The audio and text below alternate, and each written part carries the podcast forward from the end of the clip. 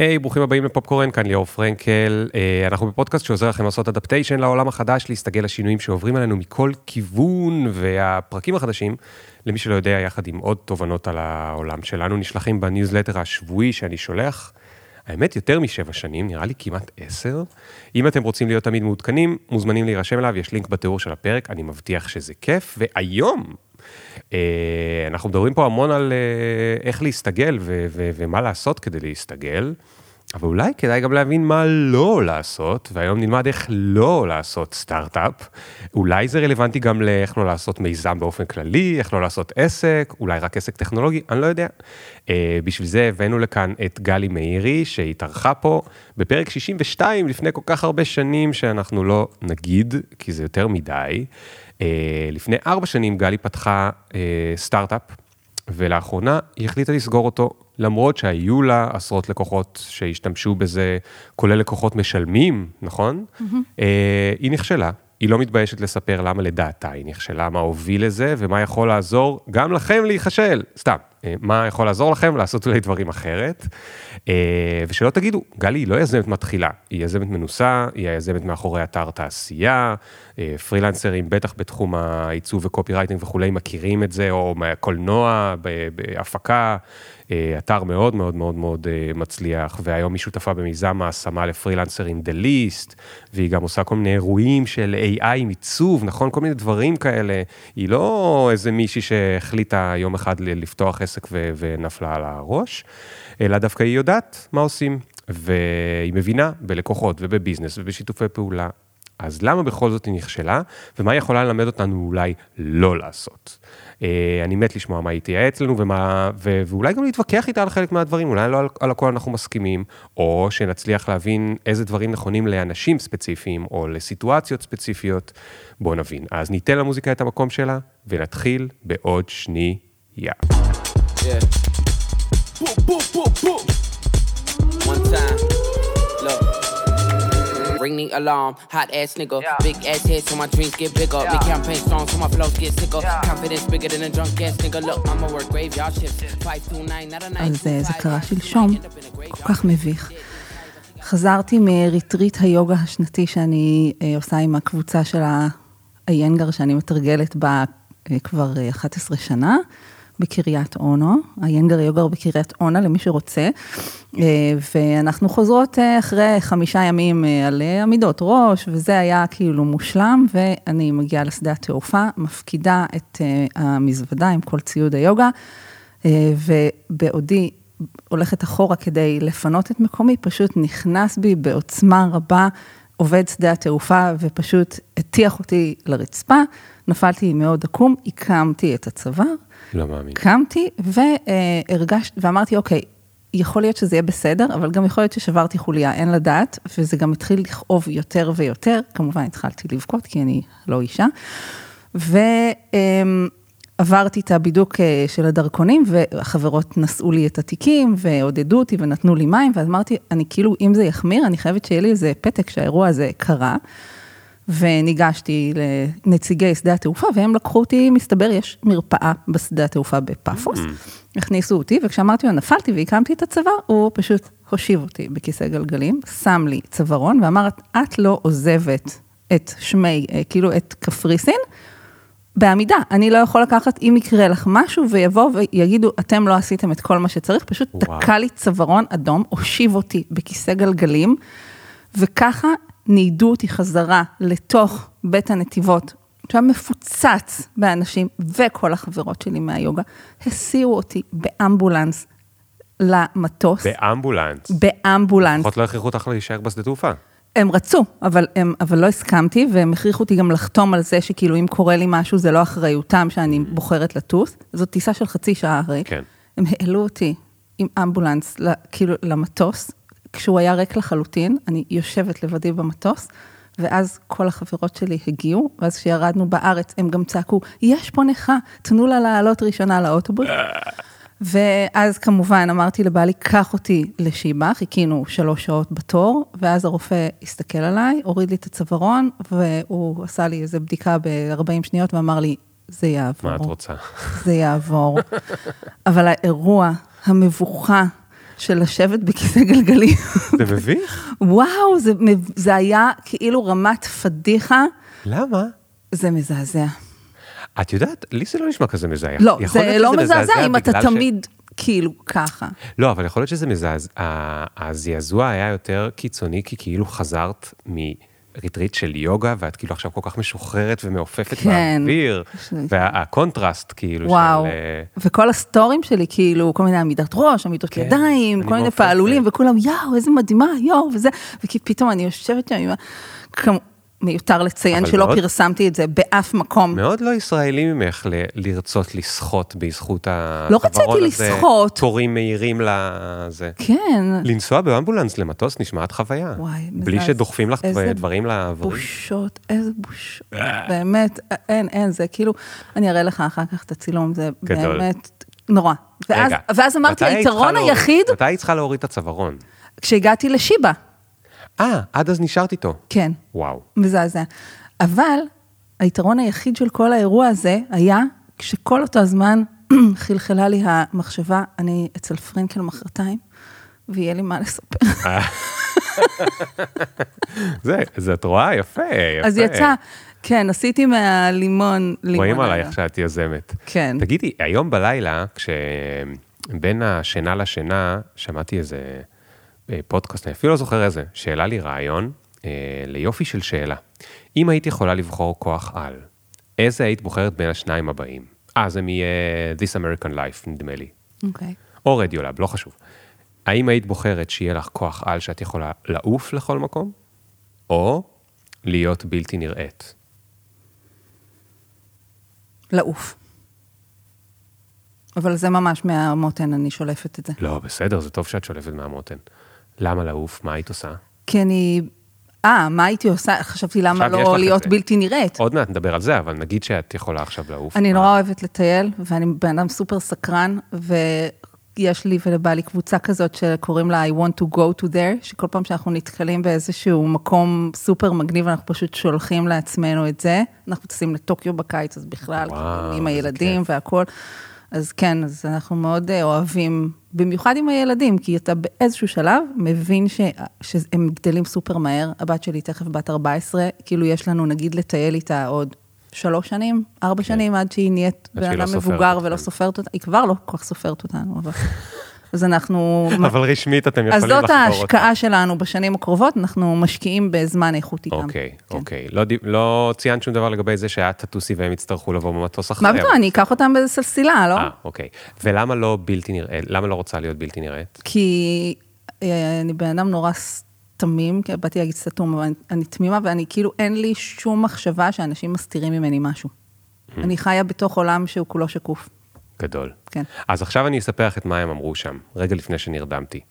שני דברים מעניינים. אחד, זה איזה בחור ששואל את השאלה הזאת מאז שהוא צעיר את כולם, וחד משמעית, נשים יותר בוחרות בבלתי נראית, וגברים בתעופה, סתם אנקדוטה. שתיים, יותר מעניין, הוא אומר, אנחנו רואים סרטים על גיבורי על, איך קוראים, איך קוראים להם? גיבורי על, סופר הירוז. וכל מה שאנחנו יודעים זה שגיבורי על, מה הם עושים? משתמשים בכוחות על שלהם כדי להציל אנשים. חוץ מלאחרונה, The Boys וכאלה, אבל כן. נגיד, מינוס כמה האחרונים של מארוול, הם עושים, והוא אומר, אני שואל את השאלה הזאת שנים אנשים, אף אחד לא אומר לי, אני אציל אנשים מגנבים, אני אציל אנשים מרוצחים. כולם אומרים כאילו איך הם השתמשו בזה בשביל עצמם. כל מי שאומר אה, להיות בלתי נראה, אומר, אני אלך לגנוב את כל הסוואצ'רים שאני רוצה מהחנות, אחר כך אני אלך לאכול את כל מה שאני רוצה במסעדה, אחר כך אני זה. כל מי שאומר שהוא יכול לטוס אומר, אני אסדר עם זה טיסות לחו"ל, וזה, זה כאילו, הוא אומר, אף אחד לא זה, ו... ו, ו ואז נרדמתי. אה, חבל. עכשיו מה, אנחנו לא יודעים את המסקנה. תצטרך בפרק הבא להקשיב ולספר למאזינים. כן, אבל uh, את יודעת, באומנות לפעמים אנחנו, זה טוב שלא נדע את המסקנה. נכון. שכל אחד ישלים לו בראש את המסקנה. תכלס, הרי מה כל אחד יעשה? הוא ייקח את מה שהוא כבר מאמין בו, ויגיד, וזו המסקנה. נכון. זה נכון. נכון? איזה גרועים זה אנחנו נכון. שככה אנחנו בסוף- מתנהלים. אבל זה בסוף כאילו העולם שלנו, הוא מתרחש בתוכנו. או, וזה אחלה סגווי לסיפור שלך, נכון, גלי? כן. ספרי לנו אה, איך זה להיות אה, אה, כושלת? יזמת, יזמת כושלת שהעולם שלה נע בתוכה. כן. אה, וואו, זו שאלה, זו לא שאלה טובה, קצת... אה, לא, אבל את, את, את, את, את, את סיפרת לי כן. שאחד העניינים הוא, הוא ש... אנחנו חיים בתוכנו, שהמציאות שלך ולכן- היא בתוכך. נכון, ולכן אה, אחד, אה, אחת המסקנות שלי מתוך האירוע הזה, זה שהתפיסה, אם נכשלתי או לא נכשלתי, היא לא תפיסה אובייקטיבית, היא תפיסה סובייקטיבית. Mm. ו, וזה שה... כאילו, אני חושבת שגם דרך זה שכתבתי את כל הסיפור הזה, וזה שאני יועצת לכל מיני יזמים בתחילת הדרך, אני כאילו מייצרת איזשהו סוג של גם משמעות עבור עצמי, וגם איזשהו אה, נרטיב אחר, שבו אה, כאילו יצרתי משמעות גם עבור עצמי וגם עבור אחרים מתוך הכישלון הזה. כן. הוא לא היה, הוא לא היה לשווא, זאת אומרת, אנחנו הרי כולנו מחפשים משמעות. אנחנו, המשמעות היא מה שמבדיל בין חיים נטולי ערך לחיים עם ערך. נכון, ואתה, נכון. קראתי לא מזמן עוד פעם את אה, האדם מחפש משמעות, כמו להבדיל אלף אלפי הבדלות, אבל ברור שאנחנו, יותר קל לנו לעבור את החיים שלנו אם אנחנו מייצרים אה, משמעות עבורם. ואני חשבתי שכאילו אם אני אספר את סיפור הכישלון שלי, אני אייצר משמעות עבור אחרים וגם עבור עצמי, כאילו אני, אני אולי קצת אשנה את הנרטיב. אני חושב שלגמרי, זאת אומרת, זה, הבאנו אותך לפה אה, כמצליחה בתחום הכישלונות. נכון. באמת? למרות שרוב הזמן את מצליחה, אני חייב ל- ל- להרוס לעצמנו את הנרטיב. אבל רגע, לא, בוא נדבר היום רק על הכישלון. בסדר. אבל לא לזה התכוונתי.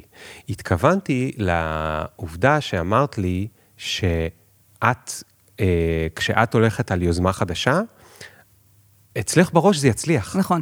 יש לי עולם פנימי מאוד, אה, לא יודעת איך גידלו אותי ככה, שאני בטוחה שאני, כאילו, ממש יש סיפור פנימי שקורה בתוך הראש שלי, ולא משנה מה אני עושה, הוא מסתיים בתוך הראש שלי, כאילו, בהצלחה מסחררת. זה כאילו רק בתוך הגולגולת שלי הסיפור הזה, אבל הוא כל כך, אה, זה- כאילו, אני לא, זה לא איזה משהו שאני משכנעת את עצמי, אני פשוט, אני חיה את זה. אין סיכוי שזה לא יצליח.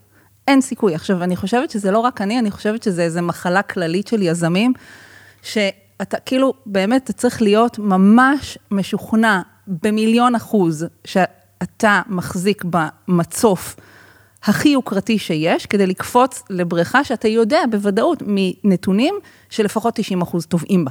אוקיי? אתה קופץ לתוך בריכה. או אין במים. או שאין במים, כן. אתה קופץ לתוך בריכה, אתה רואה, אנשים טובעים כל הזמן מסביב. אבל, ואני אגיד אבל בסוגריים, אתה לא תמיד רואים את זה, כי אנחנו המון שומעים כאילו מהדהדים אלינו בתקשורת ובאקוסיסטם את סיפורי ההצלחה. כן. וסיפורי הכישלון הם כאילו, גם כשאתה פוגש אותם, אתה פוגש אותם באיזה מין Fuckup Nights כאלה, שבא איזה מישהו שבדיוק אה, מכר את החברה שלו במיליארד דולר, אז הוא מספר איך בתחילת הדרך הוא טיפה נכשל כזה. כן. היי, אני באתי לספר סיפור של אנשים שנכשלים, באמת. אני באמת נכשלתי, אני כאילו סגרתי את החברה, הורדתי את השרתים, כאילו פרסתי את החובות, וזהו, לאן פרסת אותם? למיליון שנה קדימה, לסלמי? פחות או יותר. אז אה, אוקיי, מה, איפה את רוצה להתחיל? מה, מה, מה הכי... קודם כל, אנשים שאת פוגשת שיש להם מחשבה לפתוח איזשהו סטארט-אפ או איזשהו מיזם, הם, הם יותר או פחות דומים לך במובן הזה של אה, בטוחים שהם יצליחו? כולם, אתה לא יכול, אתה לא יכול לפתוח מיזם בלי להיות בטוח שהוא יצליח. אתה לא יכול. עכשיו, אני באה לער, לא לערער את הביטחון הזה, אני חושבת שהביטחון הזה הוא קריטי כדי, כדי שאתה תוכל להמשיך, אוקיי? אבל אני באה לבקש מהם, בניגוד למה שאני עשיתי, לעשות בדיקות עומק הרבה יותר אה, רציניות על הרעיון שלהם, אה, לפני שהם מוציאים כסף. כי בעצם מה שקורה זה שמגיעים יזמים ואומרים לי, אני בונה מוצר, אוקיי? זה תמיד המשפט הראשון, אני בונה מוצר ש, אוקיי? אה, עכשיו, אני מתוך הניסיון ומתוך מה שלמדתי, מוצר זה כאילו, זה הדבר האחרון, אוקיי? לצורך העניין, לא בכל התחומים, אוקיי? אם אתה עושה איזשהו פטנט security רשום וכולי, אז לא, אבל במה שאני מבינה בו, שזה אה, פלטפורמות subscription, דברים שהם B2C, אתה, המוצר כאילו זה לא הדבר הראשון שאתה עושה. אתה צריך לעשות כל כך הרבה דברים אה, לפני שאתה בונה את המוצר, אה, שהראשון בהם זה למצוא מישהו לעשות את זה איתו. ויש הרבה כמוני שחושבים שלא, אפשר לעשות את זה, אי אפשר לעשות את זה לבד. מה זאת אומרת, להיות יזם בודד? כן.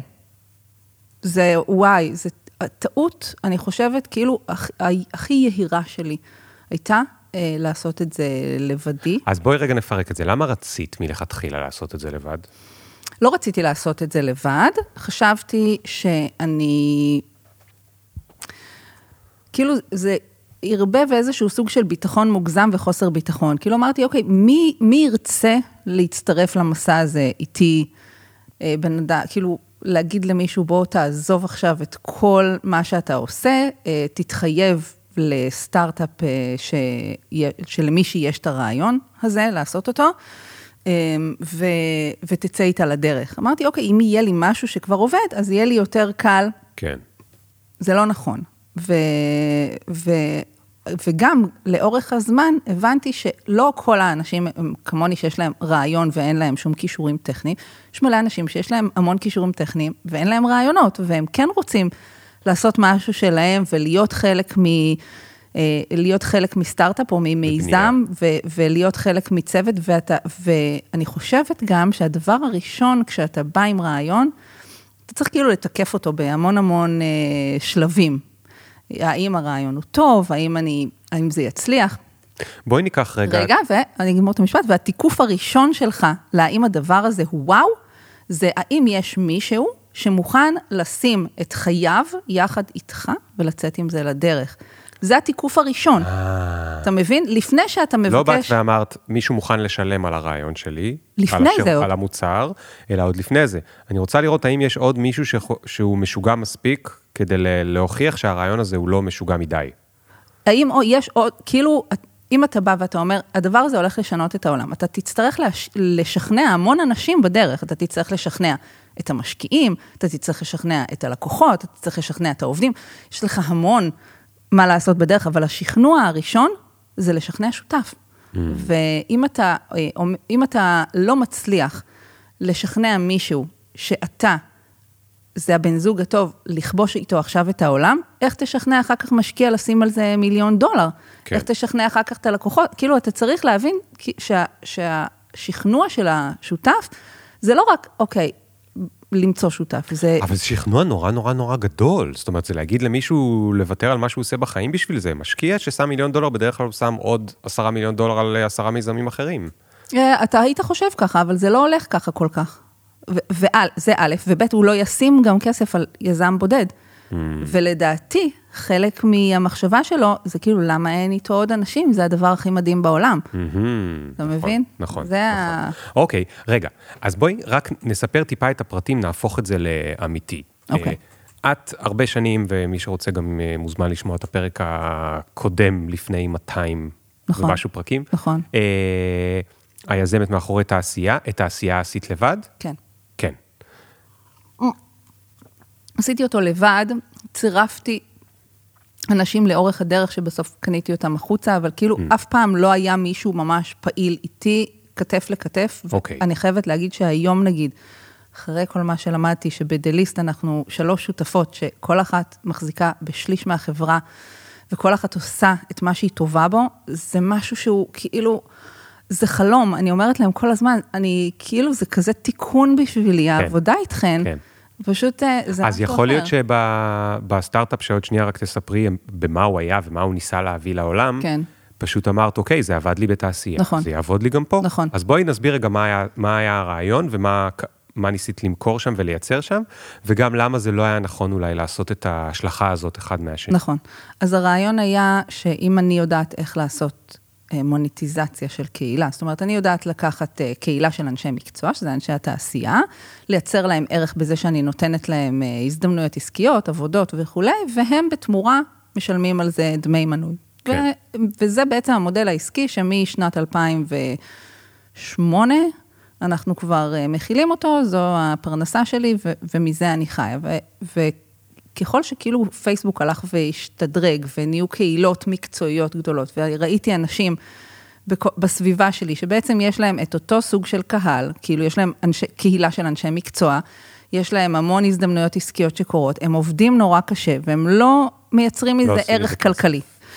אז uh, אמרתי, אני uh, יודעת פחות או יותר לעשות את זה, אני אקח את מה שלמדתי, ואני אבנה מין פלטפורט, פלטפורמת white label כזאת, שכל מי שרוצה יוכל ליצור אתר קריירה לקהילה שלו בכמה לחיצות כפתור. אז במקום שיהיה קומיוניטי בפייסבוק, יהיה קומיוניטי אצלך באתר, בפלטפורמה, נכון. והם יירשמו שם. זה כאילו כמו סוג של, נגיד וויקס, אבל, אבל ממש ממש ספציפי, שבונה לך אה, ממש אתר עם אינדקס של האנשים, עם לוח דרושים, עם בלוג, עם אה, מערכת ניוזלטר אינטגרלית, כאילו זה באמת היה מוצר נפלא. כן, זה כאילו בונה לך עוד, כמו התעשייה שאת בנית, בונה לך כזה משלך. פחות או יותר. ל, ל, לקהילה שכבר הקמת. נכון, כבר בנית. נכון, נכון. ואתה תשלם על זה, לא יודע, עשרות שקלים בחודש? אוקיי, מאות? אז, היית, אז לא, לא, יודע. אז, אז בגלל, יזם רגיל היה באמת לוקח כסף, אבל אני, בגלל אה, חמלתי על אה, הקולגות, מנהלי הקהילה, אמרתי לו, אתם אה, תשלמו רק באחוזים מתוך ההכנסות שלכם. זאת אומרת, אה, אוקיי. הפאנל היה מאוד מאוד ארוך. אני הייתי תלויה בהצלחה של מנהל הקהילה כדי שאני אעשה כסף, שזו היה אחת הבעיות העיקריות. Mm. כי רק כשהוא שכנע את ה... נגיד, ניקח סתם קופירייטרים, כן. אם הוא שכנע את הקופירייטרים להצטרף לקהילה שהוא בנה אצלך, באתר, ולשלם לו כסף. ולשלם לו כסף, כמו שאצלך משלמים בתעשייה, נכון. אז מזה את לוקחת איזשהו אחוז. נכון, נכון. מודל כלכלי שלא עבד טוב. אבל המוצר היה מדהים, כן? הוא היה מצוין, עבדו איתו איזה 50 קהילות, הקהילה הכי גדולה באמת הייתה של התוכניסטים, של אה, נאור נרקיס, שהיו רשומים בה איזה 8,000 אה, בעלי מקצוע, זה, באמת זה עבד מעולה, ואני לא, לא הרווחתי. וגם כל הטעויות שעשיתי בדרך עד המוצר הזה, כי הרי אמרתי את הספוילר בהתחלה, שלא היה לי שותף טכנולוגי, אה, ושעשיתי את הטעות, באמת, אני חושבת שהיא כל כך קריטית של לבנות סטארט-אפ טכנולוגי שמבוסס על טכנולוגיה שפיתחו אותה ב outsource, זה כאילו, זה טמטום, ש- שבאמת אי אפשר להכיל את הטמטום הזה. כן. אה, אז רגע, עוד שנייה נגיע גם לטמטום הזה, כן. אבל בואו נדבר רגע על, ה, על הדבר הקודם. אה, למה בתעשייה זה הצליח לך להיות לבד, ובסטארט-אפ זה לא היה רעיון טוב לעשות? אוקיי, קודם כל תעשייה, כשאני הקמתי את תעשייה, זה בכלל, כאילו בכלל לא ידעתי מה זה סטארט-אפ, אוקיי? היה, לא, היה, לא ידעתי מה זה מיזם. ראיתי שהשוק צריך את זה, תחשוב, זה היה כל כך מזמן, לא היה פייסבוק אפילו, כאילו, לדעתי אול ג'ובס אפילו לא התחילו, כאילו, לא היה כלום. האינטרנט היה די כזה אוורירי. ו... ואמר, ואני הייתי בג'יי-דט, ואמרתי. אם, אה, אם הצליחו לקחת את השדכנית הקלאסית ולהפוך אותה למשהו טכנולוגי, דיגיטלי. אז גם אני אוכל לאנשי ההפקה לעשות את אותו הדבר. כאילו שמפיק יחפש עוזר הפקה, ועוזר הפקה יחפש עבודה, ופשוט הלכתי וחיפשתי מתכנת, בכלל לא ידעתי שאני צריכה, לא יודעת, ממשק, שרתי, לא ידעתי כלום. נת- נתתי כסף למתכנת, אמרתי לו מה אני רוצה, וזו הייתה הגרסה הראשונה של תעשייה ב-2006. מאז כמובן עברו מלא מלא גרסאות. אבל, אה, אבל זה משהו שכאילו צמח, וזה זה משהו גם, אגב, שעד היום זה לא סטארט-אפ, אוקיי? אנחנו צריכים להסתכל רגע צעד אחד אחורה לאנשים שבונים מיזם, והם צריכים לשאול את עצמם, מה אני? אני סטארט-אפ? אני חברת bootstrap? אני lifestyle business? תעשייה זה lifestyle business, זה משהו שבן אדם אחד יכול בכיף לעשות ולהתפרנס ממנו בכיף. אז אוקיי. יש המון, המון סוגים של מיזמים, שאנשים בגלל איך שישראל כאילו ממותגת, אה, בכלל לא יודעים שיש משהו בתוך האפור הזה שבין סטארטאפיסט מצליח לבין שכיר בחברה. אה, שאתה יכול להיות אחלה של יזם, בלי שגייסת כסף, בלי שאתה תלוי בקרן, בלי שיש לך עובדים, אתה יכול לעשות מוצר מדהים שנותן ערך לקהל ספציפי, ואתה לא סטארט-אפ, וזה כן, אחלה. כן. וברגע שאתה אומר אני סטארט-אפ, אתה נכנס לתוך מערבולת שהיא לא קשורה לפעמים למה שאנחנו עושים, וזה מה שקרה לי, אני חושבת.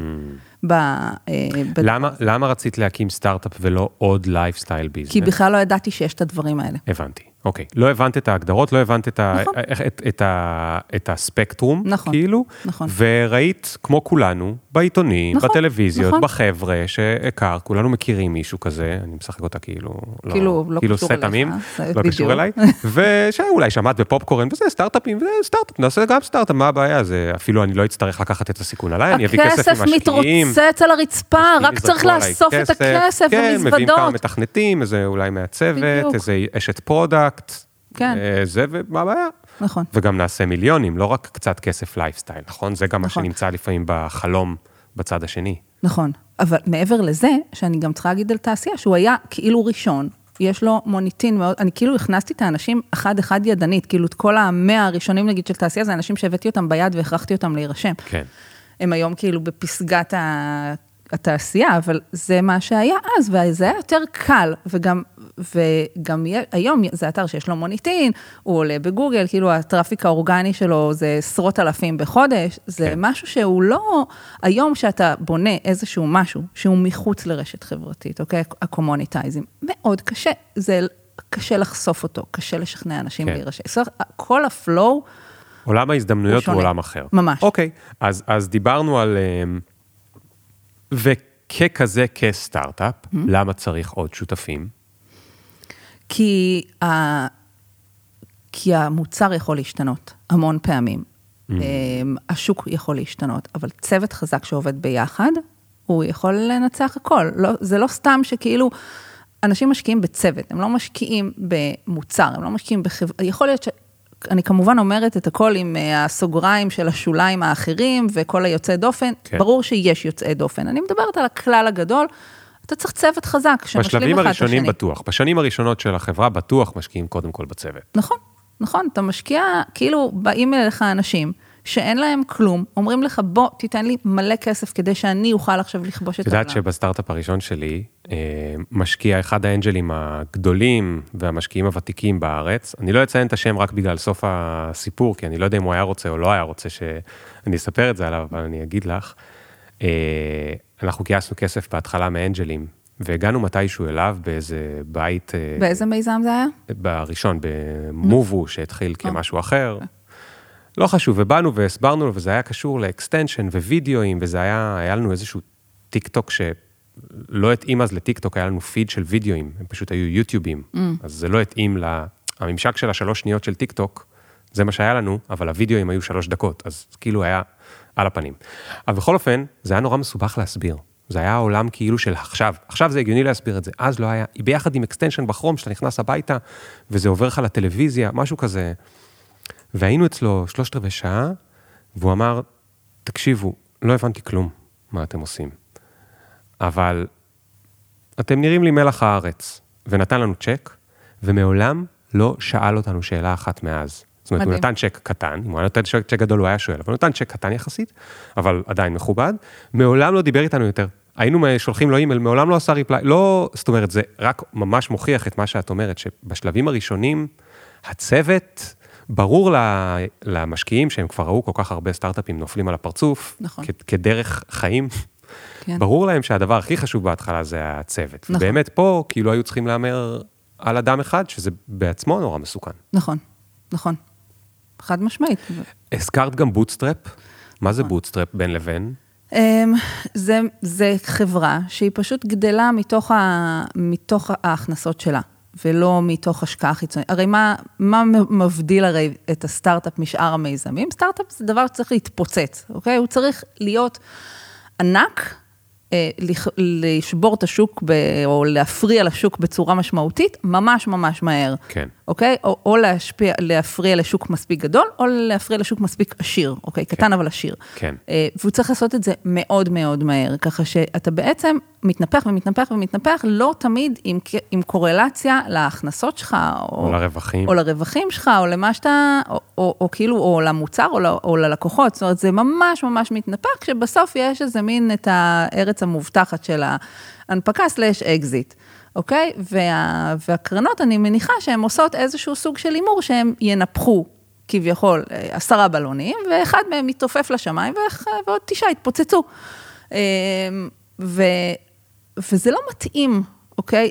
א', זה לא מתאים לכל בן אדם לחיות את הדבר הזה, וזה לא מתאים לכל סוג של מוצר או לכל סוג של קהל. אמ, ואם אתה, אה, ונגיד שאתה מדבר אה, עם כל מיני קרנות ומשקיעים וזה, כאילו המילה הכי מעליבה שהם יכולים להגיד לך, טוב, זה נשמע כמו עסק. זה כאילו, הם אומרים את זה עם כזה קצת בחילה כזאת, כמו עסק שיכול להכניס כמה מיליונים בשנה, אבל זה לא סטארט-אפ. עכשיו, זה תמיד היה מעצבן אותי, אבל זה כל כך נכון. כן. זה נכון, ואני חושבת שמי שצריך לעשות את המחשבה הזאת, האם אני עסק חלילה וחס, או lifestyle business, או סטארט-אפ, או bootstrap, מה אני בכלל? כן.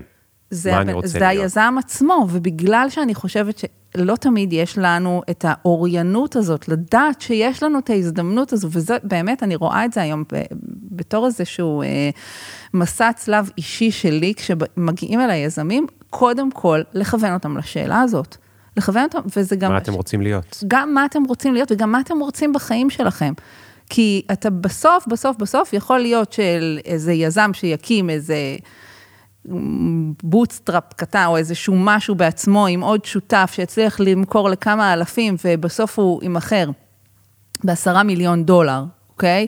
וכל אחד משני היזמים יקבל חמש לכיס, זה בדיוק אותו דבר כמו שני יזמים שמחזיקים כל אחד אה, חמש אחוז מחברה שנמכרת ב-100 מיליון דולר, אבל המסע המפרך והסיוט שאתה עברת ואיבדת את המשפחה שלך ואת החיים שלך והתגרשת וישנת במשרד והשמנת וכל מיני דברים שכאילו, שכאילו היה לך זמן לעצמך, האנד גיים שלו עבורך הוא אחר. כן. אז השאלה היא, וגם, וגם לא כולם מוכרים בחמישה מיליון דולר, יש אנשים שמצליחים למכור מוצר, אה, אלף אה, חתיכות אה, מאיזשהו extension ב-20 דולר לחודש, ומכניס להם את ה-20 אלף דולר בחודש, והם שמחים מזה, זאת אומרת, זה, כאילו זה נורא נורא נורא שאלה אישית. כן. ואני לא היה לי בכלל את ה... לא היה לי את הידע הזה ולא היה לי את המקום בכלל לשאול את עצמי את השאלה הזאת. לא היה לך את המפה, לא ידעת לראות, לא היה מפה שהראתה לך איפה זה, ולכן הלכת לאינסטינקט, שזה מה שאנחנו מכירים מהעיתונים. והזה. כן, אוקיי. נעבור לדבר השני, דיברת על אה, פיתוח outsourcing. אז. בואי, אז בואי נדבר רגע על שני המילים בנפרד. בסדר. אה, אני רוצה אבל? לעשות איזו התרמה לעניין הזה, כן.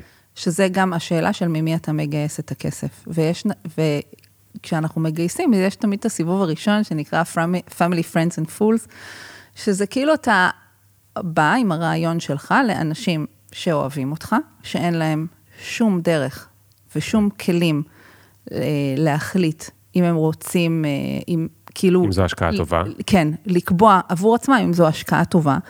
הם, יש להם הטיה כי הם רוצים שאתה תצליח, ו, והם, אה, והם נותנים לך כסף, אוקיי? עכשיו, הם נותנים לך כסף שהוא לא מספיק, אתה מסתבך משפחתית, ו, וזה מאוד לא מומלץ, ואני קיבלתי כסף אה, גם ממשפחה, ומאוד מודה להם על האמון, אבל אה, אבל בעצם זה, זה כאילו הכניס אותי למצב שאמרתי, אוקיי, אני אפתח את התוכנה ואנשים כבר יבואו, כן. אבל הם לא באו.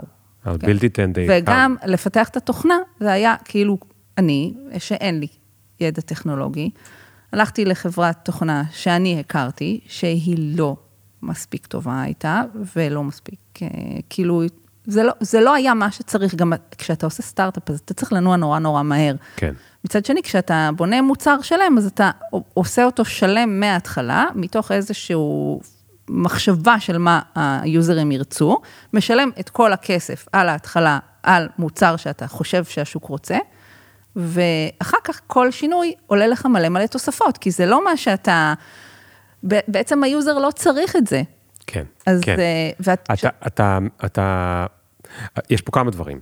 אחד, מהעיניים של, עזבי רגע מהעיניים של יזם לשל, של, של כמה פעמים, מהעיניים של איש product. כן, היוהרה הזאת שיש לך, או הייתה גם לי בעבר, של אני יודע בדיוק מה לבנות ובזה הם השתמשו בגרסה הראשונה, זה יוהרה מאוד מאוד מאוד מאוד זוועה. גדולה, ממש. שהיא טומנת בחובה אה, הרבה טעויות פוטנציאליות, נכון. אוקיי?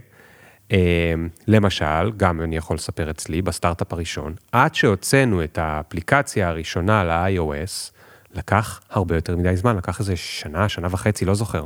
נכון.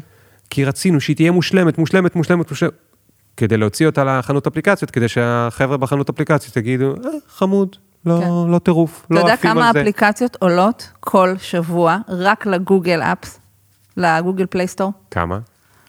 3,600 ומשהו. וואו. כל שבוע, זאת כן. אומרת, ועל כמה מהם אנחנו שומעים? אולי אחת בחודש. ויש שלושה וחצי מיליון אפליקציות, רק בגוגל, לא באפסטור, באפסטור בוא תכפיל את זה, כאילו, כן, אז אנחנו כן. מדברים, כאילו, אז כשאנשים אומרים לי, אני בונה מוצר, אני אומרת, רגע, בוא תבדוק קודם כל, בוודאות יש אותו. זאת אומרת, היכולת שלנו היום, לא ב-2006, היום ב-2023, להמציא את הגלגל, היא מאוד נדירה, מאוד. אתה צריך לראות, קודם כל, מה יש באקוסיסטם שלך, איך עשו את זה, למה הם לא הצליחו, ואם הם הצליחו, איך אתה תעשה משהו שונה מהם. יש כל כך הרבה בדיקות שצריך לעשות אותן אה, לפני, ש... לפני שיוצאים לדרך. כן, אבל גם לא הייתי רוצה כן. שזה יעצור אנשים מללכת לרדוף אחרי החלום שלהם, כי באמת אין שום גלגל שלא המציאו אותו כבר. נכון. המציאו כבר את כל הגלגלים. נכון. זה רק השאלה ו- של איך אתה מוכר את הגלגל הזה, אבל את המכירה של הגלגל הזה, ואת המוכנות של השוק אליו, אתה כן. יכול לבדוק בלי לבנות אותו. נכון, אבל- אבל מה שאני רוצה להגיד זה שלא לך תבדוק אם לא בנו אותו, כי בטוח בנו אותו. כן. כל מה שחשבתם עליו, נכון, בנו. נכון. הכל, נכון. הכל, הכל. אגב, חלק מהדברים אי אפשר למצוא באינטרנט, כי יכול להיות שעבדת על משהו שבנו אותו כבר שני סינים איפשהו, נכון.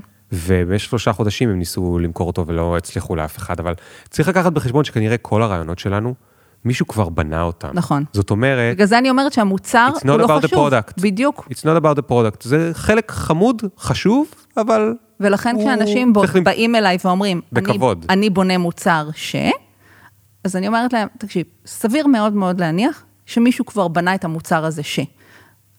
אל תשקיע בבנייה של המוצר, תשקיע בלמצוא האם הקהל רוצה את המוצר הזה ממך, אוקיי? זאת אומרת, יכול להיות שיש, שאתה תבנה מוצר ואתה לא הבן אדם למכור אותו והוא ייכשל, יכול להיות שאתה בונה מוצר ואתה בכלל לא יודע איך להגיע לקהל שרוצה אותו. זאת אומרת, יש, ולפני שאתה הולך ומשלם מלא כסף למישהו, או מבזבז מלא זמן מהחיים שלך, או גם וגם, תעשה בדיקה של השוק. עכשיו, אני יכולה להגיד שאני כן בדקתי לפני שהקמתי את קומוניטייז, האם יש מוצר כזה, ולא היה מוצר כזה. ובאמת הוא היה מוצר נחוץ, אבל אני לא הייתי הקונסטלציה המתאימה לבנות אותו ככל הנראה, כי, כי במקביל אליי, נגיד שנה אחרי שאנחנו כבר עלינו לאוויר עם קומוניטייז, עלה אה, מוצר שקוראים לו Pallet, שהם עלו עם דף נחיתה הכי פשוט, וטבלת Airtable. לא היה להם מוצר בכלל, לא היה להם מוצר. כן. הם עשו הטמעה של לוח דרושים, כן. אבל הם עשו אותו בקהילות הכי גדולות. כן. ב- זה, בחו"ל. זה הדבר הכי חשוב שיש לי לומר, שלא הייתי יכול להגיע, לא הייתי יכול להגיד לך אם היינו מדברים נגיד ב-2013, שסגרנו את הסטארט-אפ הראשון שלי, לא הייתי יכול להגיד לך את זה היום, והיום אני יכול להגיד לך את זה בפירוש. דיברת על אולי לא ללכת לפתח דברים outsource, כי outsource יהיה נורא נורא יקר בגרסה 2, 3 ו-14, שנצטרך אותה, כי אנחנו לא באמת יודעים מה השוק רוצה עד שאנחנו לא נותנים לו לשחק איתו. נכון. אבל ב-2023 אפשר להגיד משהו יותר חמור, אתה יכול לבנות את זה בכלל בלי... אתה יכול לבנות המון, אתה יכול להגיע מאוד רחוק, נכון, בלי אף מתכנת. נכון. אתה יכול להגיע מאוד מאוד מאוד מאוד רחוק בלחבר כל מיני חוטים. יכול להיות שגם בשביל לחבר את החוטים האלה צריך איש טכני, אבל האיש טכני הזה עושה את הדברים הרבה יותר מהר. נכון. הוא כנראה גם יותר זול, אולי לא, אבל הוא עושה דברים הרבה יותר מהר כדי שייתנו לך לבדוק משהו. זאת אומרת, ו- ו- ו- ועוד משהו להגיד, גם אם לא מצאת עכשיו שמישהו בדיוק בונה את המוצר שלך, כדאי להניח. שיושבים עכשיו שבעה צוותים ובונים את המוצר שלך. נכון. ותכף נד- נדבר על, ה- על האקסטרה שם שצריך להוסיף לזה, אבל לפני האקסטרה, לבנות מוצר שעושה, נפרק את זה רגע, את רצית לעזור לאנשים לעשות מוניטיזציה מקהילות. נכון. אז קודם כל, אפשר לבדוק האם אפשר לעזור להם לעשות מוניטיזציה בפייסבוק. נכון. לא מחוץ לפייסבוק. נכון. זאת אומרת, לעשות מוניטיזציה לקהילות בפלטפורמה חיצונית, זה איזה שש מילים, וכל אחד מהשש מילים האלה אפשר לבדוק בנפרד. נכון. לפני. בוא נגיד ככה, אבא שלי תמיד אומר שהרטרוספקטרוסקופ הוא מכשיר רב עוצמה. אז ברטרוספקט, ברור שזה מה שהייתי צריכה לעשות, ואם היה, אם, אתה יודע מה, אני תמיד אומרת, אם היה מישהי כמוני שהייתה מלמדת אותי את מה שאני יודעת, אבל יש מצב טוב שלא הייתי מקשיבה. או. בגלל היוהרה שלי. או, אני בן אדם יהיר. אבל יש לי להוסיף לך עוד אחד ליוהרה. יש מלא אנשים שמסבירים. אולי את לא הלכת לאיזשהו נגיד אקסלרטור. הלכתי. אבל יש, אה, הלכת, אוקיי. יש אין סוף אקסלרטורים ואנשים שמסבירים ובלוגים, ואני כאילו כתבתי על זה מזמן. יש, יש שתי סיבות. אחת היא יוהרה, נכון. בסדר. גם אני חטאתי בזה וזה מאוד קשה לא, לא, לא לחטוא בזה. אבל יש עוד סיבה. עם כמה שזה עולה כסף, זה עדיין יותר קל מנטלית ללכת לבנות מוצר, נכון. ולהשקיע בחלום שלך מאשר ללכת לבדוק אם הוא מתנפץ לך מול הפרצוף ב-day one. חד משמעית. ללכת לנסות למכור משהו, כדי שאנשים יגידו לך, זה חרא, אני לא רוצה לשלם על זה, זה אומר, אני אנפץ לעצמי את החלום מחר. נכון. ולכן אני אשב בבית, ולא אשאל אף אחד אם הרעיון שלי חרא, ואני אשלם כסף לכל מיני מתכנתים או מתכנתות שיבנו לי את הזה שלי. ויספר לעצמי סיפור, וייקח לי שנה עד שאני אגלה שהחלום מתנפץ, ובינתיים בשנה הזאת אני חי את החלום. נכון. וזה הרבה יותר קל מנטלית, זה, זה לא, לא נעים מהרבה, מהרבה דברים אחרים, אבל זה נורא קל מאשר ללכת ולשאול אנשים, אתם רוצים לשלם על זה? והם יגידו לך, אה, I don't know. בדיוק. ו- וזו הסיבה השנייה. זאת אומרת, ו- אבל ואיך אני נעזור? נגיד שאלתי אנשים, מה, הייתם משלמים? בוודאי שהיינו משלמים. אוקיי, עכשיו, נגיד אתה שואל מישהו, כמו מנהלי קהילות, אני בונה מוצר וזה, והיית משלם עליו? כן. אז תקשיב, אני בונה, אני רוצה שתשלם לי עכשיו, מראש. שתשלם לי דמי רצינות, שאני אדע שאני בונה מוצר שאתה תשלם לי עליו 500 שקל בחודש. אני רוצה שתיתן לי עכשיו את ה-500 שקל הראשונים האלה. ואז אתה יכול לבדוק עם החברים שלך, אם כן. הם אה, שמים כן. את ה... If they put their money where their mouth is. זה לא... כאילו, אני הייתי מאוד כזה... אה, בוא נגיד שהביטחון העצמי היה רב מדי, ו... ועשיתי עוד, אה, עוד טעות, אוקיי? דיברנו, עשיתי מלא טעויות, אוקיי? אבל שוב, אם אנחנו לוקחים אחורה את שלל הטעויות שאתה עושה, אז אנחנו מדברים על להיות יזם בודד, אוקיי? ולצאת לדרך בלי תקציב שיווק, אוקיי? כי אני עושה איזשהו משל, נגיד, מעולם הרפואה, אוקיי? גם אם אתה פיתחת תרופה למחלה שמציקה לעשרות אלפי אנשים, אני לא אגיד מיליוני או מאות מיליוני, עשרות אלפי אנשים בעולם, אם אין לך איך לספר להם, איך להגיע אליהם. איך להגיע אליהם ולספר להם שהתרופה הזאת קיימת, אתה ת- תיכשל. אפילו אם זה תרופה של אה, לפטרת אה, בציפורן, שלוקח אה, שלושה ימים במקום שלושה חודשים. וואו, אבל אם אין לך את התקציב לעשות לזה את הקמפיין, אתה תתחרה עם שאר פרסומות פטרת הציפורניים של של- 300 שקל לקליק. זהו, אין, אין את זה. אז זה, אז כשאני באתי עם התקציב שעשיתי וחיפשתי כסף, לא רציתי לקחת כסף ממשפחה, רציתי אנג'ל אמיתי, ואמרתי, אני אעשה, לדעתי גם איתך דיברתי באיזשהו שלב, דיברנו יותר על המוצר ועל קהילות, אז אה, עשיתי רשימה של כל מי שאני מכירה, ודוד שלי, הוא היה בתחום יותר של הפיננסים, ורציתי לראות אם יש כל מיני קבוצות של נדל"ניסטים שמשקיעות בסטארט-אפים וכולי, ודוד שלי היה מזועזע, מה את מבקשת כסף מאנשים זרים? לנו יש, יש להם חברה בתחום אה, בנייה. אמרתי, כן, זה מה שעושים בסטארט, אבל כמה כסף את צריכה? אמרתי לו, תראה, אני צריכה 750 אלף דולר, זה כאילו ה-runway שחישבתי לעצמי לשנה הראשונה. מה, זה המון כסף בשביל לבנות אתר. אני אומרת לו, תראה, הפלטפורמה מתוך זה, זה בערך אה, 120, 150 אלף דולר, כל השאר, זה, זה שיווק, זה תפעול, זה כל מה שצריך. אנחנו ניתן לך כסף לאתר, ושיהיה את האתר, נמשיך. ונראה מה נעשה.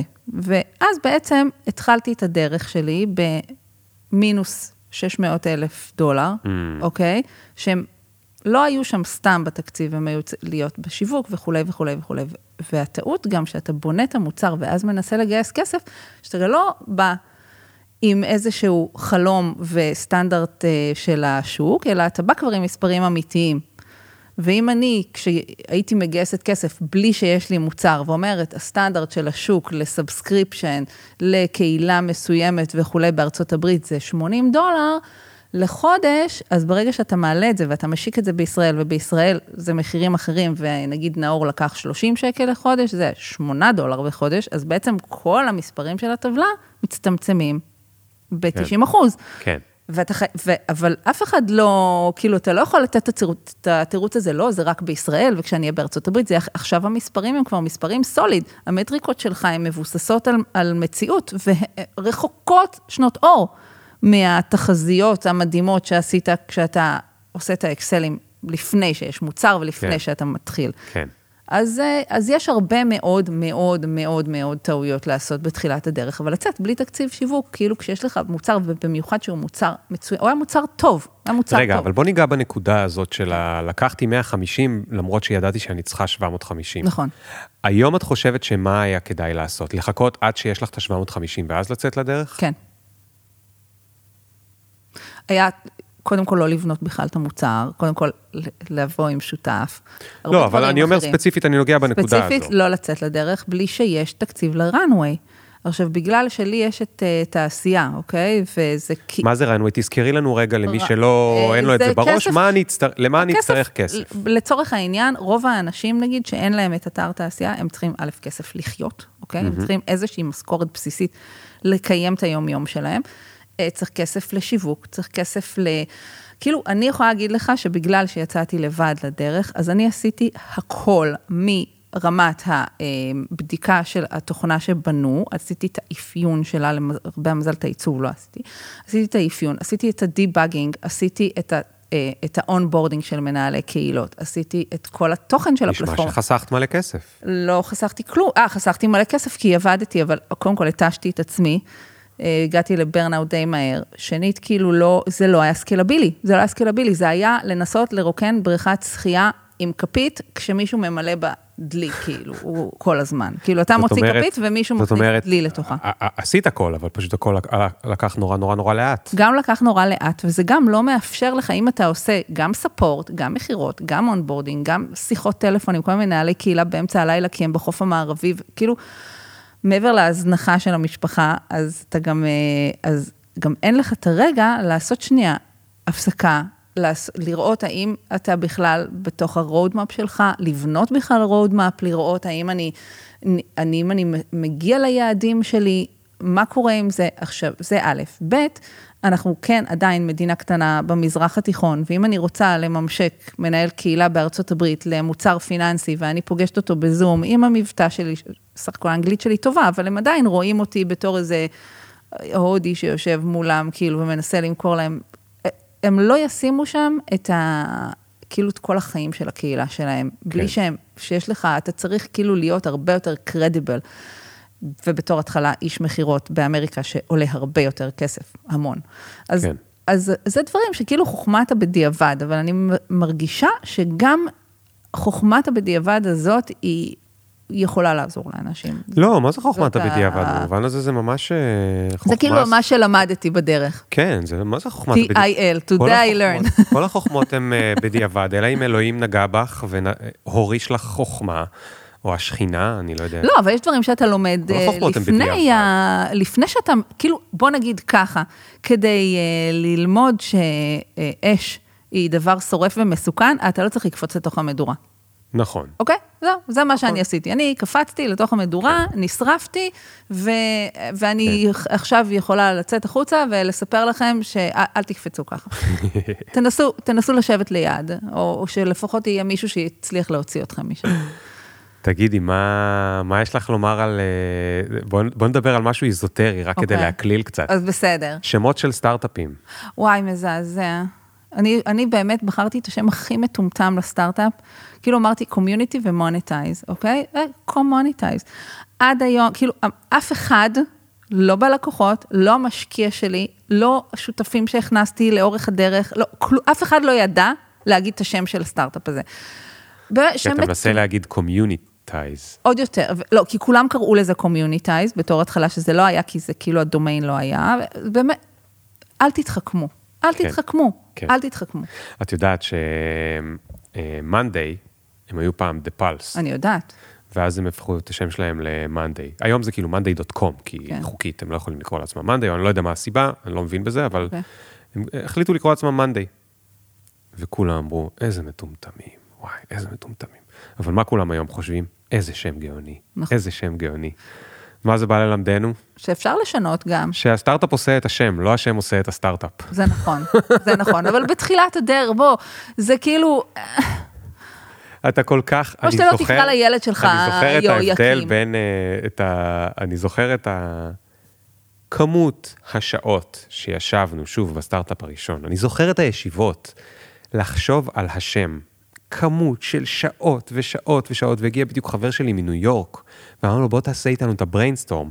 ויומיים מתוך הנסיעה שלו לישראל, מסכן, יומיים סגרנו אותו בסלון. וואו. אני חושב היום איזה מטומטם זה מבחינתו בטח הרגיש. לא נתנו לו, הוא, הוא טס לישראל, זה נורא יקר, שבוע. יומיים סגרנו אותו בסלון, וואו. לנו זה היה נראה הדבר הכי מדהים שהוא יכול לעשות, חשוב, לעזור אה? לנו, והכי חשוב, הכי כן. חשוב, שיעזור לנו לבחור שם, והוא עשה איתנו brainstorm כי הוא אמריקאי, וכאילו הוא יעזור.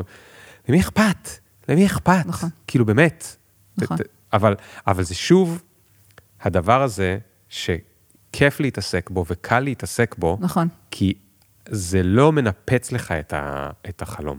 את יודעת, יש משהו שאני מאוד מאוד אוהב, מי שלא מכיר, אז מציע לחפש בגוגל, יש ג- גם בבלוג שלי, אבל גם יש אינסוף בגוגל, מה שנקרא uh, The Lean Canvas. נפגשת כן. בזה פעם? ברור. זה קנבס כזה חמוד שיש לך תשע קוביות, מה יהיה המוצר, מה יהיה היתרון התחרותי, מה יהיה, איך תעשה שיווק, מה יהיו הכנסות והוצאות, איך תעשה מכירות, אה, מי יהיו הלקוחות, איזה בעיה אתה פותר להם, איזה אלטרנטיבות יש להם היום לפתור את הבעיות, אה, ולא זוכר, אולי עוד אחד של אופרציות, אני לא זוכר את כל התשע בעל פה.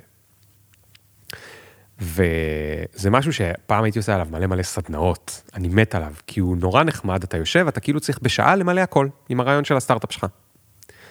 עכשיו, למה זה, למה זה כל כך חשוב? כי אתה רואה מול העיניים את האזורים שבהם אין לך תשובה טובה. כן. נגיד איך אני אעשה שיווק? אתה לא יודע. בגוגל. בגוגל, כן, whatever, אבל אתה צריך להגיד לעצמך את האמת. עכשיו, מה עושים יזמים קלאסיים? שוב, אני ביניהם. אתה הולך לאזורים שבהם קל לך. נכון.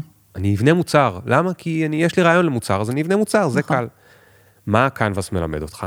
איפה שבסוף נשארת עם סימן שאלה, את זה אתה צריך מחר בבוקר ללכת לפתור. נכון. את, על כל השאר אתה יודע, סימני קריאה אתה יודע מה לעשות, אז תעשה את זה, מה זה חשוב אם תעשה את זה מחר או בעוד שנה. קודם כל לך תפתור את הסימני שאלה, כי יכול להיות שרק בעוד שנה תגלה שיש שם סימן שאלה ענק, נכון. שאתה לא יודע לפתור, נכון. ומה אז תעשה? וזה, כן, זה צריך להיות בן אדם מאורגן יותר ממני לעשות את זה. זה כן, נכון, אני, אני מסכימה איתך. אני יכולה להגיד לך באמת שהיום שאני עם אה, נעמי ומשה, שנעמי היא מדברת עם לקוחות, ומשה היא על כל המספרים וחוזים וניירת וזה, ואני רק יושבת ועושה אוטומציות ובונה את האתר ומאתמצת דברים ודיגיטל וכל כל מה שקשור לטכנולוגיה, כאילו שזה לא לדבר עם לקוחות, זה אני. ו... ו זה כל כך כיף שכאילו אנשים עושים את מה שהם טובים בהם, ופתאום יש סדר, ועובדים עם יעדים, ועובדים, ב... ואני אומרת, וואו, זה כאילו, אפשר לעשות את זה ככה, לא הכל בן אדם אחד צריך לעשות. אה, ועכשיו גם הכנסתי שותפה טכנולוגית לתעשייה אחרי שנים רבות שהייתי שם לבדי. אה, כן. כי, כי מה? כי אני למדת, לא, כי אני לא למדת רוצה מסקנה לעבוד מהסטארט-אפ יותר שלך, ואת- עם outsource, כן. אף פעם. כן. ידעתי שאני צריכה כבר, חיפשתי איזה שנתיים, וואו, כן. וואו. כן. זה, אבל אה, תשמע, זה, אין מה לעשות, אתה לא יכול להיות סטארט-אפ טכנולוגי, שהדבר העיקרי בו זה הטכנולוגיה, בלי טכנולוג. תגידי, ביום-יום, כן. אם אה, היית, אה, היינו עושים סרט על הסטארט-אפ שלך, והיה פסקול, מה, מה היית שמה בפסקול? איזה... את הרקביאם של... את הרקביאם של מוצרט? וואו, וואו. שחר, אני לא יודע אם אתה שומע, אבל אם אתה שומע את זה, תשים ב... סתם, אני תשים צוחקת, במוזיקת די, פתיחה די. היום את הרקביאם. וואו. את יודעת שזה המוזיקה, אחת האהובות עליי, הקטע הזה, וזה באמת כל כך עצוב. זה כל כך, כל כך, כל כך עצוב, אבל מה, ככה זה היה לך לא, קשה? זה לא היה כל הזמן, זה לא היה כל הזמן, כי זה, זה הרי מתחיל, כאילו אתה מתחיל עם חלום, אתה מתחיל, אתה מתחיל חלום.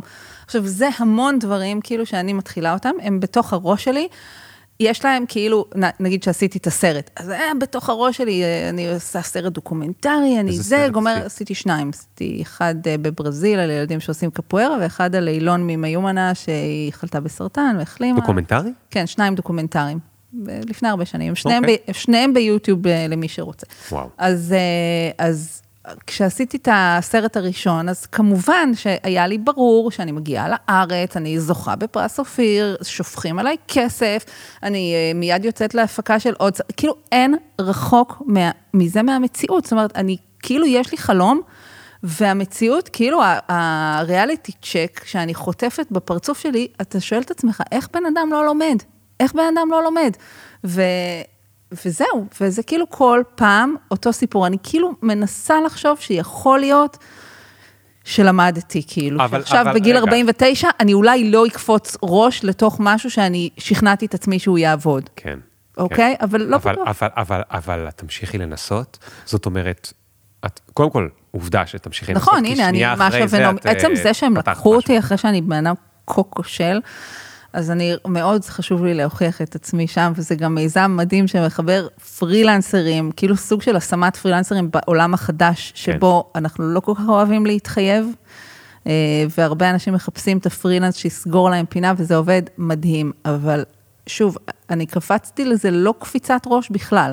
אה, זה היה עם הרבה בדיקה ועם הרבה מחשבה, ואני כן רוצה לחשוב שאולי, אולי משהו נכנס. מה הסטיגמה הכי גדולה על סטארט-אפים שהיית רוצה לשבור לאנשים? שלא צריך את המוצר. לא, אה, אני לא יודעת, תקשיב, אני בסוף, עכשיו אני יכולה להגיד, אני לא הייתי סטארט-אפ, אז אני לא ממש יכולה... מה זאת אומרת לא? אני לא יודעת, אני לא הייתי סטארט, כי אני הייתי חברה קטנה שהיה לה מוצר, שהיה בו כמה עשרות אלפי אה, משתמשים וכמה businesses אה, שהשתמשו, עשרות businesses, זה לא סטארט-אפ, אתה לא התנפחתי, לא גייסתי כסף, לא היה לי. לא, כאילו... בסדר, לא הגעת לשלב ההוא, אבל עדיין זה השלב שקוראים לו סטארט-אפ. ניסית לפתח משהו טכנולוגי, שאם mm-hmm. היו לו הרבה מאוד לקוחות, הוא יכל to scale מאוד מאוד מאוד מאוד מהר. כן. זה נקרא סטארט-אפ. נכון. להפך, דווקא כשסטארט-אפ נורא נורא נורא כבר מצליח, לא צריך לקרוא לו סטארט-אפ. נכון. monday.com היא לא סטארט-אפ נכון, מזמן, נכון. היא חברה. כן. זאת אומרת, היא כבר יש לה לקוחות והכנסות ורווחים. ציבורית ו... כבר, לא? כן, חברה ציבורית, היא חברה כן. אמיתית. נכון. סטארט-אפ זה שעוד הכל uh, בפוטנציה, וגם כשזה כבר קצת מצליח, אבל עוד לא ברור עד לאיפה... כן. אגב, באנגליה, אני מאוד אוהב, הם קוראים לזה, בשלב אחרי הם קוראים לזה scale-up. Mm. זאת אומרת, אתה כבר לא סטארט-אפ שאתה חי בכל מיני סרטים, כבר הוכחת משהו, עכשיו כן. אתה עובר לשלב של scale-up, שפה אתה צריך להוכיח שאתה יכול to scale. כן. כאילו, ל- ל- ל- לגדול. אמ, אני אגיד לך מה, היה לי מפגש עם אה, חבר, עכשיו הוא חבר, אז הוא פשוט, אה, התייעצתי איתו, משקיע. אמ, והוא אמר, כאילו, סיפרתי לו על המצב של המוצר, זה שיש כבר משתמשים וכבר אה, יש הכנסות וכולי וכולי, והוא אמר, תקשיבי, המצב שלך הרבה יותר טוב משל 95% מהיזמים שאני פוגש, ואת לא תקבלי כסף. אמרתי לו, אבל כאילו, למה? כי בן אדם מאוד ישיר. אמרתי לו, למה? הוא אמר, כי את לא מה שמצפים לראות. מצפים לראות שלושה גברים צעירים שסיימו את הצבא ב-8200, שהם ישנו ביחד, אכלו מאותו מסטינג, והם יכולים להתאבד, הם לא צריכים ללכת הביתה לילדים שלהם, לא צריכים, הם לא לבד, הם לא בגיל שלך. הוא אומר, את, את, אם, הוא אמר, גם אם ייתנו לך, זה בשביל האישה כאילו של הסטארט-אפים. אני מקווה שהיום זה קצת אחרת, כן? מעניין. אבל, אה, אבל כן, תשמע, אני לא, לא, לא הצלחתי בגלל שאני אישה, אוקיי? לא, זה לא קשור בכלל. זה לא קשור בכלל, ולהפך, דווקא היה לי הרבה מאוד פלטפורמות שיכולתי להיעזר בהן, אה, וקהילות של נשים שהן היו מאוד, אה, מאוד עוזרות ותומכות בדבר הזה, אבל, אה, אבל כאילו יש איזשהו סוג של איך נראה... template. ה template. הם, כן. כאילו שאתה רואה את החמישים המיזמים המצליחים של whatever, איזשהו עיתון. אנשים נראים אותו דבר. כן. זה לא כן. איזשהו, ו, וזה בסדר, וזה בסדר. גם אני היום לצורך העניין, אם הייתי צריכה לשים, וזה להמר, אם אתה צריך להמר, אתה רוצה להמר על הסוס הצעיר.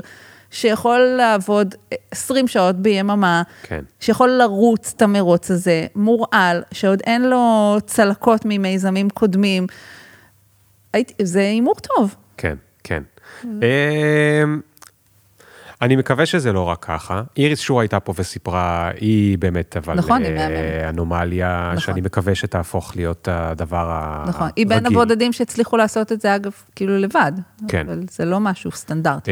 אמ, ואישה וילדים וכולי בסיבוב האחרון לפחות. אה, אמ, וגם, יש היום הרבה מאוד יזמים מבוגרים. רציתי לשאול אותך, מה את חושבת? עזבי רגע מה המשקיעים חושבים ולאיזה template הם מצפים. לא מבחינת המשקיעים, מכל שאר הבחינות. אה, יותר כדאי להקים סטארט-אפ כשאתה צעיר או כשאתה מבוגר? אם כבר מדברים ישירות. מה את חושבת? Hmm. בכנות? בכנות אני אגיד לך שיש אה, משהו, כאילו, יש יתרונות וחסרונות לכל דבר. אנשים שהם מבוגרים, יש להם ניסיון חיים, יש להם פרספקטיבה. אה, יש להם אה, ידע רב יותר. אני חושבת, קשרים, שזה דבר בלתי יסולא בפז כשאתה מפתח במשך 30 אה, שנה שאתה נמצא בשטח, אוקיי? זה משהו באמת חשוב.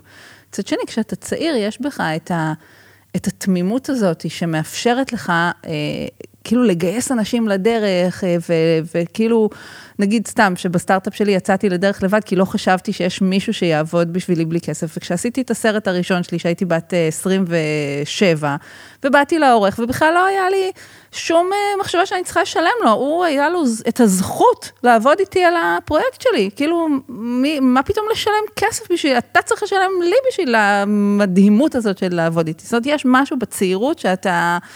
הרבה יותר אה, מלהיב את עצמך ואנשים סביבך לתוך הדבר הזה, ש, שכשאתה בן אדם מבוגר ואתה יודע כמה עולה משכנתה ואתה יודע כמה עולים הילדים, זה משהו אחר. זה משהו אחר, ולכן, אה, ולכן אני חושבת שלכל אחד מה, אה, מהדברים האלה יש את, את, את היתרון והחיסרון שלו. תגידי, את- יש לך זמן לראות טלוויזיה בכלל? ממש מעט. למה אתה שואל? סרטים? גם ממש מעט. סתם מעניין אותי מי כאילו היית, אה, למי היית נותנת לגלם את הדמות שלך ב... לא, ברור. טינה פיי. כן, זה ברור? ברור. בטח, אני? מתה, כי קודם כל 30 רוק זאת הסדרה האהובה עליי ועל בעלי. מי שלא ראה, חבל, מסכנים, תורידו בתורן. אה, היא עדיין תהיה טובה היום? היא עדיין. זאת כן. סדרה אלמותית, עם אה, אה, אלק בולדווין בתפקיד הבוס, אתה ראית את הסדרה כן, הזאת? כן, בטח. וואו, זה הסדרה האהובה עליי, והדמות של אה, ליז למון, יש בה משהו שהוא כאילו מצד אחד אה, לוזרי, ומצד שני כאילו היא מצליחנית. כן. כאילו, אני מרגישה באמת ש, שיש בי, כאילו, את החוסר, אה, אין לי בעיה לצחוק על עצמי, לשים את עצמי ללעג, אה, ל, כאילו להקליל את האווירה על חשבוני. אה, אני לא חושבת שאני יותר טובה מאף אחד בכלום, אה, ואני מאוד מנסה להיות בגובה העיניים, ואני מרגישה שהיא כאילו מין בת דמותי כזאת, היא גם קצת, אה, לפני שנהייתי בלונדה, אז, אז גם היא הייתה בדופל גנגר שלי כל שנה, והתחלפה יחד עם, לא זוכרת איך קוראים לה, לי היא השטג מארץ נהדרת, שהייתה דמות כזאת של אה, כן. ליאת הרב. תגידי, את היום בדיעבד, את יודעת, אני זוכר, אני זוכר ממש את הפגישה שלנו שאת מספרת לי על communities, או אני לא יודע איך קוראים לזה, sorry, communities, מוניטייז, אתה רואה? כן. אה, אני זוכרת מה אתה אמרת לי, אבל, כן? בפגישה הזאת, כן, אתה אמרת לי, אל תגייסי כסף, אל תגייסי קרן הון סיכון, אל תעשי את זה לעצמך, תנסי לגדול מתוך הכסף של החברה, אל תעשי גיוסים. זה הדבר הכי נורא בעולם, זה מה שאמרת לי. ו? לא גייסתי, אבל מה לא, ניסיתי, לא, לא, ניסיתי לגייס, לא גייסתי, אבל אה. כן. אבל אם נגיד הייתי אומרת, אוקיי, אני אעשה את זה לבד, אולי הייתי בונה את זה ביותר קטנצ'יק, מנסה, לא יודעת. לא, היית מנסה, לא היה קורה לך נגיד שאת לא מבקשת כסף ביום הראשון. כי כשזו הגישה שלך, נכון, נכון. אתה מבקש כסף ביום הראשון. נכון. וכשאתה מבקש כסף ביום הראשון, המציאות היא פשוט מגיעה הרבה יותר מוקדם. נכון. אם יש לך את האמצעים, ל... נקרא לזה, להסתדר עם הבלון הרבה שנים קדימה, כן. מצוין, לך על זה.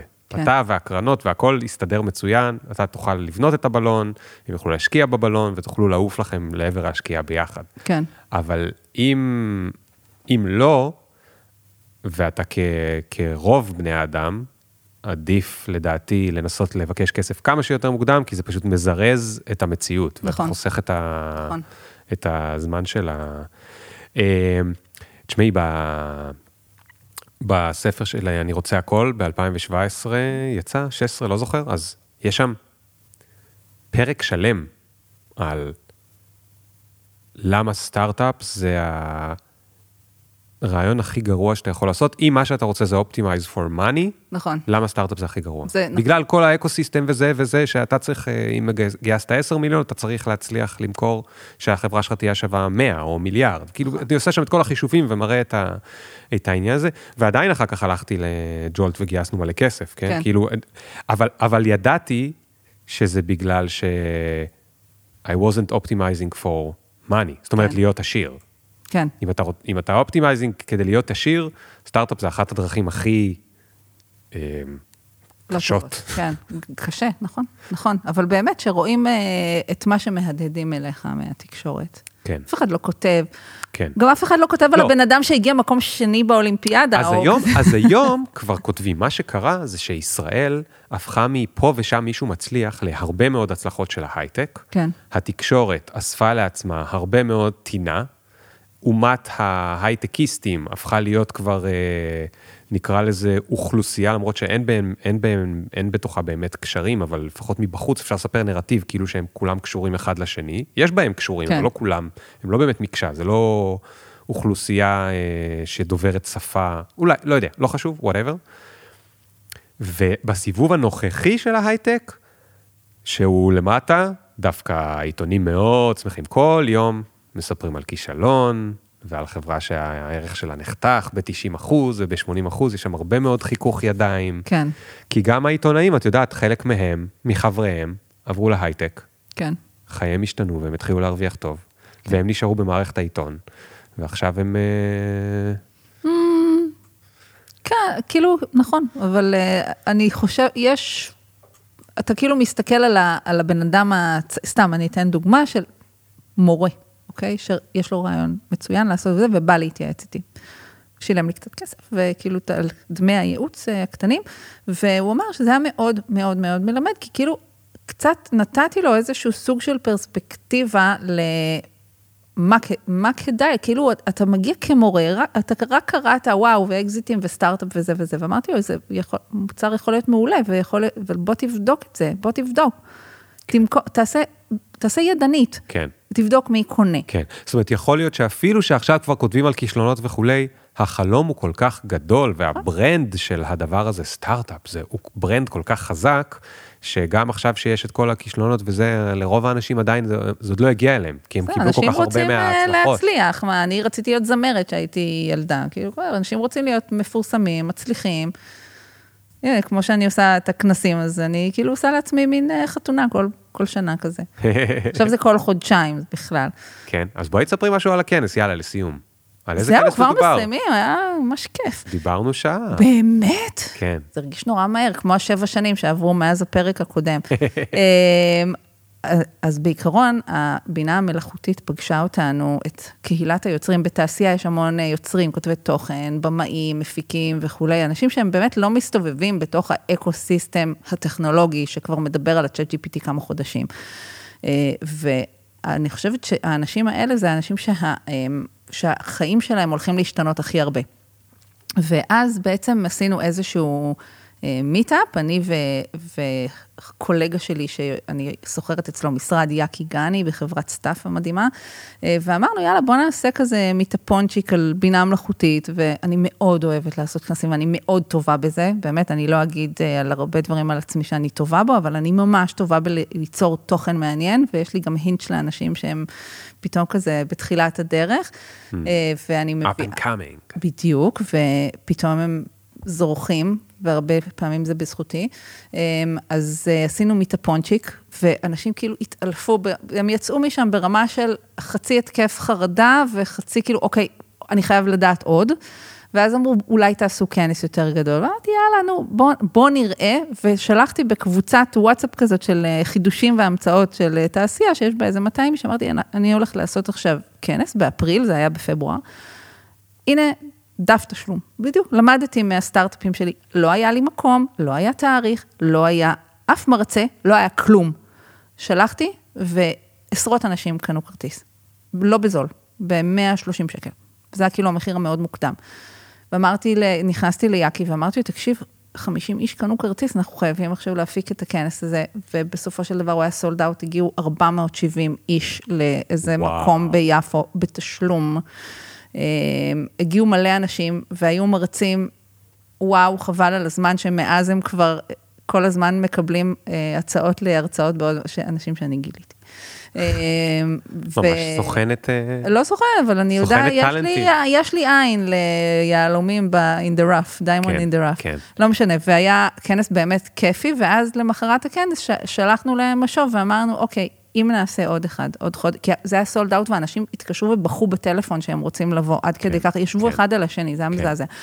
anyway, אם נעשה עוד כנס ביוני, מי רוצה לבוא? 90 אחוז אנחנו. וואו. אז uh, פתחנו מכירה. ואנחנו כבר ביותר מ-75% מלא למי שרוצה, תעשייה.פרו, כן. קוראים לכנס הכל מבינה. אה, וזהו, והוא בשיתוף עם HP ו-NVIDIA הפעם, וכל מיני כאלה, Nice, קצת, כן, קצת, כל כן, זה. הפעם זה לא במתנ"ס ביפו, אלא במוזיאון הארץ, זה קצת, קצת השתדרגנו. יפה. אז, אז אה, רק כדי לסיים את, ה, את, ה, את כל המעגל, לסגור מעגל, כן, יש ביטוי נורא חשוב בארץ הסטארט-אפים שנקרא product market fit, זה כשהמוצר פוגש את השוק, ורואים האם הם מתנשקים או שהם אה, לא חברים. ומה שאת עשית זה, את עשית בדיקה של product market fit. ה product היה כנס מדומיין שאין אותו. נכון. אבל, אבל ברור מהו. נכון. כנס שבו ילמדו על בינה מלאכותית בתור יוצרים. ה market היה אותה קבוצת וואטסאפ, נכון, ואמרת, מי רוצה, בואו תשלמו. ומה גילית? שיש product market fit. נכון. מתוך ה-200, כמות מאוד יפה של אנשים קנו. נכון. אפילו, את יודעת, אם 20 קנו, 10 אחוז זה כבר מאוד מאוד מאוד יפה. וראית שיש product market fit. ואז הלכת למפתחים במרכאות, כן. ויכול להיות שאפילו נכון. השקעת מזמנך, או היה צריך להשקיע כסף באותו מתנ"ס כדי לשכור אותו, או whatever. נכון. ואז עשית עוד קצת בדיקה, עם ה-90 אחוז, זה עוד בדיקה של product market fit. נכון. ו- ו- ואני חושב שאם אם נסיים כאילו באותה אה, עצה ראשונה שנתת בהתחלה, של ה- אל תבנו מוצר, ממש. ת, תבדקו, תנסו רגע קודם לבדוק product market fit. פשוט תעשו דף נחיתה. קונים. דף נחיתה, הכי פשוט, שנראה כמו המוצר שלכם. תעשו כפתור לתשלום, אפילו עם טופס אשראי dummy שלא שולח כלום, וסב, ושלם, ושיגיעו לדף ארור כלשהו. תעשו בדיקה. אם אולי עלה לכם, לא יודעת, שלושה אנשים והשקעתם שלושת אלפים שקל, שלושה אנשים הסכימו לשלם וכל user עולה לכם אלף שקל, או שהשקעתם שלושת אלפים שקל בפרסום, ושלוש מאות איש רצו לשלם, ואז כל user עולה לכם עשרה שקלים, אבל אל תעשו שום מוצר לפני שאתם בודקים, ואם אתם רוצים להתייעץ איתי, אז אה, דברו איתי, galimeiri.com. יאללה, מגניב. כן, אז אה, וואו, איזה כיף היה שוב. טוב, עוד שבע שנים עוד פעם, מה אתה אומר? נקבע? כן, כן. לא, האמת שאנחנו חיים בתקופה אקספוננציאלית, אז זה אומר שעוד שלוש וחצי שנים. נכון, הזמן מתקצר בעצם, הכל נכון. כך אני. יכולה להגיד גם על מה אני מתחרטת? עוד, עוד שנייה, כן, ואני רק רוצה להגיד שעוד שלוש וחצי שנים מי שראיין אותך זה יהיה ה-AI שלי. ואני- ה-AI שלי לקח לי את. הפרנסה, אני אהיה זרוק מתחת לגשר הומלס. נכון. AI שגנב לי, כי לא. עשי, כי לא החלפתי סיסמה איפשהו, גנב לי את הזהות, את הפודקאסט ואת הכל, המאזינים לא ידעו בכלל שכל זה קרה, הוא יראיין אותך, הוא גם ייראה כמוני. כן, אולי זה כבר הוא קרה. רק יגיד לך, הוא רק יגיד לך, בוא נעשה את זה בזום, כאילו מה אכפת לך, בדיוק לא יכולתי את הזה, ואת תגידי לו סבבה בזום, והוא יראיין אותך והכל, והוא יעלה את הפרק. אה, וזהו, תהני איתו, הוא גם בטח יהיה יותר מעניין. אבל זה מי שישב מולו, זה גם יהיה ה-AI שלי, כי גם אני אהיה זרוקה יחד איתך מתחת לגשר, כי גם לי גנבו את הזהות. בגשר. לפחות נעשה שניהם צחוקים ידברו אחד בגשר. עם השני בזום. כן. כן, מה יהיה עם המאזינים? זו השאלה. הם יהיו גם איתנו בגשר? הם יהיו איתנו בגשר, וה-AI יעז. אנחנו מיותרים כבר. כולנו מתחת לגשר. וואו, לא, אז תקשיב, חבר'ה, זה לכו תמצאו ברמה, גשר שווה. זה ברמה של המוח. מתפוצץ מהדברים האלה, וכל יום, והקטע שעם יאקי בהתחלה שזה רק התחיל, והיינו שולחים אחד לשני דברים, והוא היה שולח לי משהו והייתי כותבת לו, זהו, אנחנו אבודים, אנחנו אבודים, והאנחנו אבודים הזה זה רק הולך כאילו, ונהיה עוד יותר ויותר משוגע, וכאילו ברמה של, יש לי מרצים שאני אומרת להם, אני רוצה את המצגת שבוע לפני הכנס, ואומרים, היא לא תהיה מעודכנת לכנס. כי זה שבוע, ושבוע בעולם של ה-AI. זה מטורף מה, ש, מה שקורה, אבל לא משנה. נכון, לא משנה. אנחנו פה עדיין אמיתיים. עדיין אמיתי, את לא לפחות זה מה שאתם אולי, חושבים. נכון. אתם לא יודעים. אה, על מה את מתחרטת? אז אתה זוכר בפרק הקודם, קודם, קודם, הסיפור שלי היה מזעזע על זה שאני הייתי במסעדה בטוקיו, מסעדה ברזילאית, ונבחרת ברזיל ניצחה במונדיאל, אבל אני, משום מה, חשבתי שנגמר הערב והלכתי לשיר קריוקי, וחמש דקות אחרי שהלכתי משם, כל נבחרת ברזיל הגיעו לשם אחרי הניצחון שלהם במונדיאל בטוקיו. כן.